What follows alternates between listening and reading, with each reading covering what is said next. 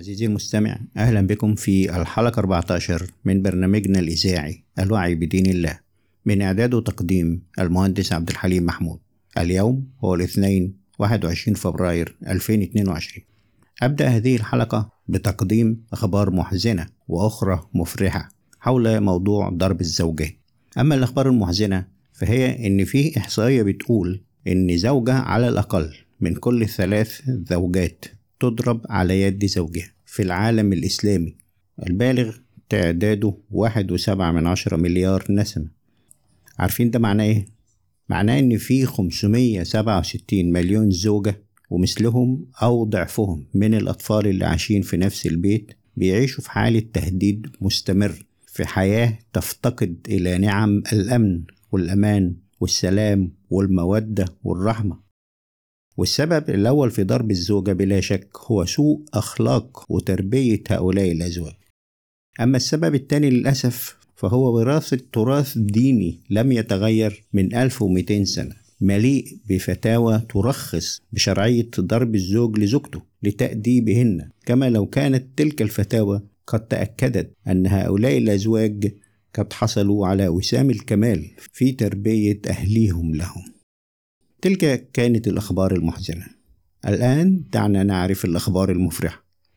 الأخبار المفرحة هي إن أنا عملت بحث واكتشفت فيه إن تلك الفتاوى كانت خاطئة من الأساس وأن القرآن لم يأمر بضرب الزوجة في آية واضربهن كما تستند كل تلك الفتاوى.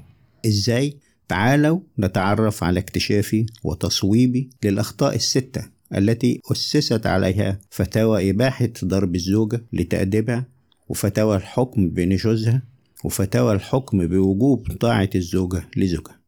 والحقيقة أن تلك الفتاوى لم تنشأ أساسا من الأزهر ولا من شيخه الموقر ولكنها نشأت منذ أكثر من 1100 سنة في كتب فقهاء المذاهب الأربعة الحنفية والمالكية والشافعية والحنابلة.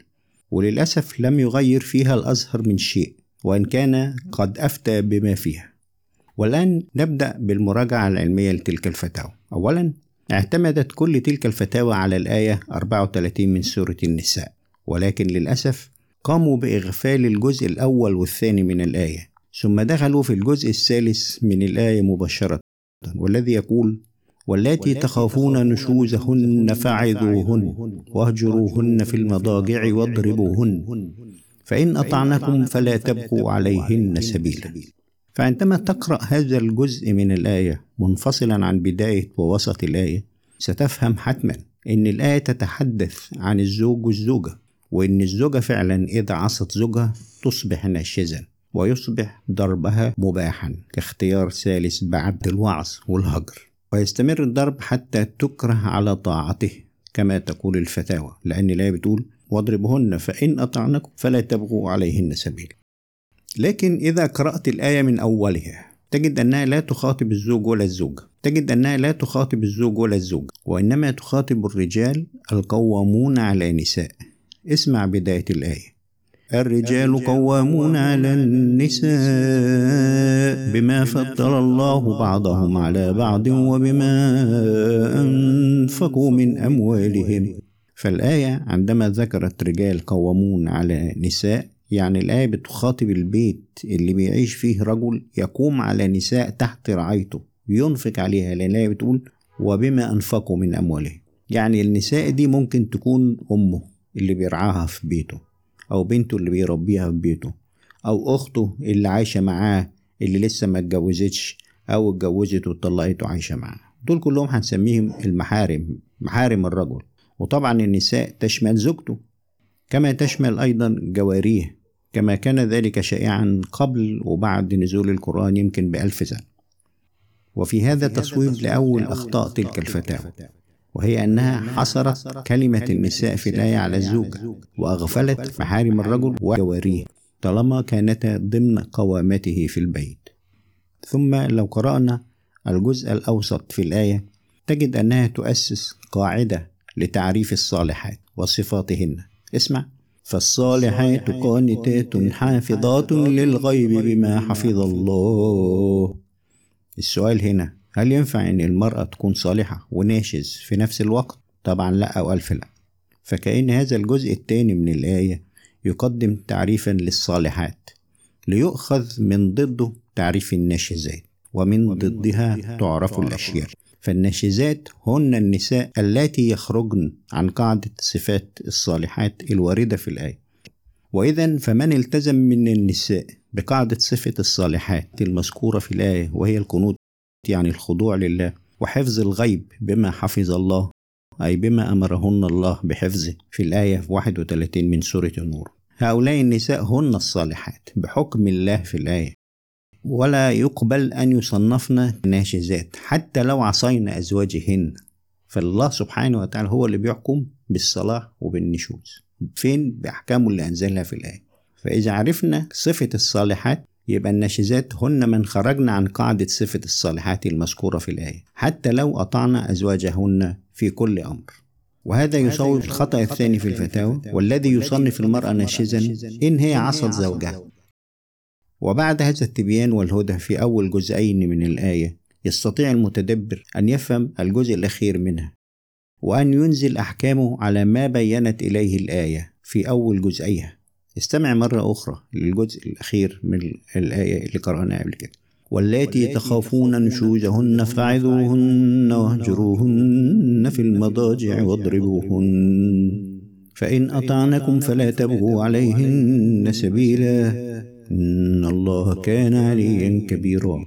الآن نفهم أن اللاتي نخاف نشوزهن هن نساء الرجل بالثلاثة نوعيات التي ذكرناها سابقا. فالنوعية الأولى هي محارم الرجل والنوعية الثانية هي زوجته والنوعية الثالثة هي جاريته. والآن نفهم معنى النشوز الذي تشير إليه الآية وهو الخروج عن قاعدة الصالحات المنزلة في الآية. الآن علينا التفكير في طريقة إنزال الأحكام الثلاثة التي جاءت بها الآية وهي الوعظ والهجر والضرب في معالجة نشوز نوعيات النساء الثلاثة. السؤال هل ننزل الأحكام الثلاثة بالتدرج على كل متلقي أم بالتوزيع للأحكام الثلاثة على المتلقين الثلاثة ليأخذ كل متلق حكما واحدا فقط؟ لنتعرف على الإجابة الصحيحة لهذا السؤال تعالوا نجرب الافتراض الأول وهو التدرج في إنزال الأحكام الثلاث. تعالوا نفترض أن نوعية النساء الناشز في هذا الفرد كان من محارم الرجل كالأم مثلا.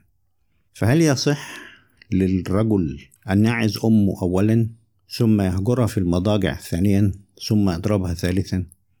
طبعا هذا نهج خاطئ في إنزال الأحكام لأنه يخالف كل عقل وشرع. وسوف نصل لنفس النتيجة لو كانت الناشز هي جاريته التي لم يكاتبها بالزواج. إذا فنهج إنزال أحكام الوعظ والهجر والضرب بالتدرج ليس هو النهج الذي أتت به الآية لأنه لا يقبل عقلا. ولا يقبل عقلا أن يتناقض نهجين لله في آية واحدة ولا في القرآن كله. وبناء على ذلك يصبح الاختيار الوحيد لإنزال الأحكام هو التوزيع. يعني إيه توزيع؟ يعني توزيع الأحكام الثلاثة على متلقين ثلاثة. ولو كانت الأحكام في الآية أربعة أحكام لوجدت أربعة متلقين مختلفين وهكذا. ليأخذ كل متلقي حكما واحدا فقط. فما الدليل على ذلك؟ الدليل في الآية 6 من سورة التوبة. تعالوا نتعلم منها. بسم الله الرحمن الرحيم. فإذا انسلق الأشهر الحرم فاقتلوا المشركين حيث وجدتموهم وخذوهم واحصروهم واقعدوا لهم كل مرصد فإن تابوا وأقاموا الصلاة وآتوا الزكاة فخلوا سبيلهم. فالآية الكريمة أوردت أربعة أحكام على المشركين الذين هم في حالة حرب مع المسلمين. ويربط بين الأربعة أحكام حرف الواو. إيه هي الأحكام؟ أحكام القتل وأحكام الأخذ خذوهم يعني نأسرهم والحصر يعني نحصرهم والترصد يعني نتجسس عليهم. فلو طبقنا نهج التدرج في الأحكام لقتلنا المشركين. بعد ما قتلناهم نأسرهم وبعدين نحاصرهم بعد ما كنا قتلناهم وأسرناهم وبعدين نتجسس عليهم. بعد ده كله طبعا هذا النهج يخالف كل عقل. إذا نهج تنزيل الأحكام الذي تهدي إليه الآية هو توزيع الأحكام الأربعة دي على نوعيات أربعة من المشركين. بحيث كل نوعية تتلقى حكم واحد فقط لغير إزاي؟ الحكم الأول وهو القتل يتم توجيهه للمشركين اللي على جبهة القتال الحكم الثاني هو الأسر يتم توجيهه لنوعية تانية من المشركين مين؟ اللي هم استسلموا قبل أو أثناء القتال دول ناخدهم في الأسر الحكم الثالث وهو الحصار ده هنوجهه لنوعية تالتة من المتلقين من المشركين اللي هم مين؟ اللي هم هربوا من موقع المعركة وتمركزوا في نقطة حرب جديدة هناك فنروح نحاصرهم. الحكم الرابع اللي هو الترصد أو التجسس فاقعدوا لهم كل مرصد. ده يتوجه للمشركين اللي كانوا في المعركة هربوا واختفوا ما نعرفش راحوا فين فدول نقعد لهم كل مرصد حتى يتم القبض عليهم وأسرهم.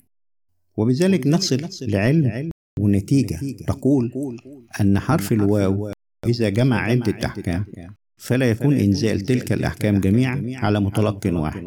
ولكن الأحكام توزع على متلقين مختلفين بحيث يأخذ كل متلقي حكم واحد فقط غير وبناء على قاعدة الواو فإن كل حكم من أحكام الوعظ والهجر والضرب يتم توزيعها على متلقين مختلفين لتأخذ كل نوعية من نساء الرجل حكم واحد فقط. فالوعظ هو الحكم المناسب لعلاج نشوز محارم الرجل كالأم والابنة والأخت. وأما حكم الهجر في المضاجع فهو الحكم المناسب لعلاج نشوز الزوجة. وأما حكم الضرب فهو الحكم المناسب لعلاج نشوز الجارية أو الجواري. وبذلك نصل لتصويب ثالث أخطاء تلك الفتاوى وهو النهج الخاطئ لإنزال الأحكام بالتدرج وهو ما يخالف قاعدة الواو في القرآن اللي إحنا شرحناها من شوية ويخالف قاعدة توزيع أحكام الوعظ والهجر والضرب لتتلقى كل واحدة من المحارم أو الزوجة أو الجارية على حكم واحد فقط لا غير. وهنا نأتي لذكر الخطأ الرابع للفتاوى وهو الخطأ الأعظم. عندما أخذوا حكم الآية بضرب الجارية لينزلوه على الزوجة فجعلوه مباحا للزوج أن يضرب زوجته كما يضرب الجارية. بتاعته ومهما كانت الفتاوى حريصة في تضييق المباح وتخفيفه فقد تسبب إباحة ضرب الزوجة في مآسي حدثت منذ منشأ تلك الفتاوى من أكثر من ألف سنة وإلى يومنا هذا حيث ضربت وتضرب ملايين النساء ضربا مهينا ومبرحا وأحيانا ضربا قاتلا وكم خربت من ملايين البيوت وشردت من ملايين الأطفال. وكل ذلك بسبب ما رسخته تلك الفتاوى الخاطئة في عقيدة الأزواج من حق شرعي في ضرب زوجاتهم بدعوى تأديبهم وإجبارهم على طاعتهم. وبذلك نأتي للخطأ الخامس في الفتاوى وهو الحكم بوجوب طاعة الجارية السيدة وإنزاله على الزوجة ليفرضوا عليها فرضا جديدا لم يأذن به الله وهو طاعتها للزوج. تماما كطاعة الأمة أو الجارية أو العبد لسيده وإذا ما أطاعتش زوجها تصبح ناشزا في شرع الله كما يزعمون في الفتوى وهذا افتراء على شرع الله لم ينزل به أي نص قرآني. أما الخطأ السادس للفتاوى فهو إغفال حق الزوجة في الاعتراض على تصرفات زوجها. بأن تستدعي حكما من أهله أولا ثم حكما من أهلها ثانيا كتصرف تالي لهجر الزوج اقرأ وإن خفتم شقاق بينهما فابعثوا حكما من أهله وحكما من أهلها. إن يريدا إصلاحا يوفق الله بينهما. إن الله كان عليما خبيرا. دي الآية التالية على طول لآية الضرب. يعني دي الآية 35 من سورة النساء. وآية الضرب هي الآية 34 فبدل ما كانت الفتاوى توجه التصرف التالي لعملية هجر الزوجة توجهه لهذه الآية الكريمة. للأسف جعلت التصرف التالي للهجر في المضاجع هو ضرب الزوج. ومع تقديمي لتلك التصويبات الستة لأخطاء الفتاوى الظالمة للزوجة المسلمة فإنني أؤكد على عدة حقائق لا ينكرها أي عقل مؤمن بالله. أولا إن دين الله أعلى وأولى بالاتباع من أي هيئات دينية مهما على قدرها. ثانيا أن الفقهاء بشر يخطئون ويصيبون وأن خطأهم لا ينقص شيئا من احترام الناس له ولكن ادعاء قداستهم وعصمتهم من الخطأ هو عين الخطأ. ليه؟ لأن بيحولهم لأرباب من دون الله. كما جاء في قوله تعالى اتخذوا أحبارهم ورهبانهم أربابا من دون الله. والمسيح ابن مريم. وما أمروا إلا ليعبدوا إلها واحدا لا إله إلا هو سبحانه عما يشركون. ثالث الحقائق أن الحق أحق أن يتبع حتى لو صدر من مهندس وليس من شيخ أزهري يحمل شهادات الدكتوراه.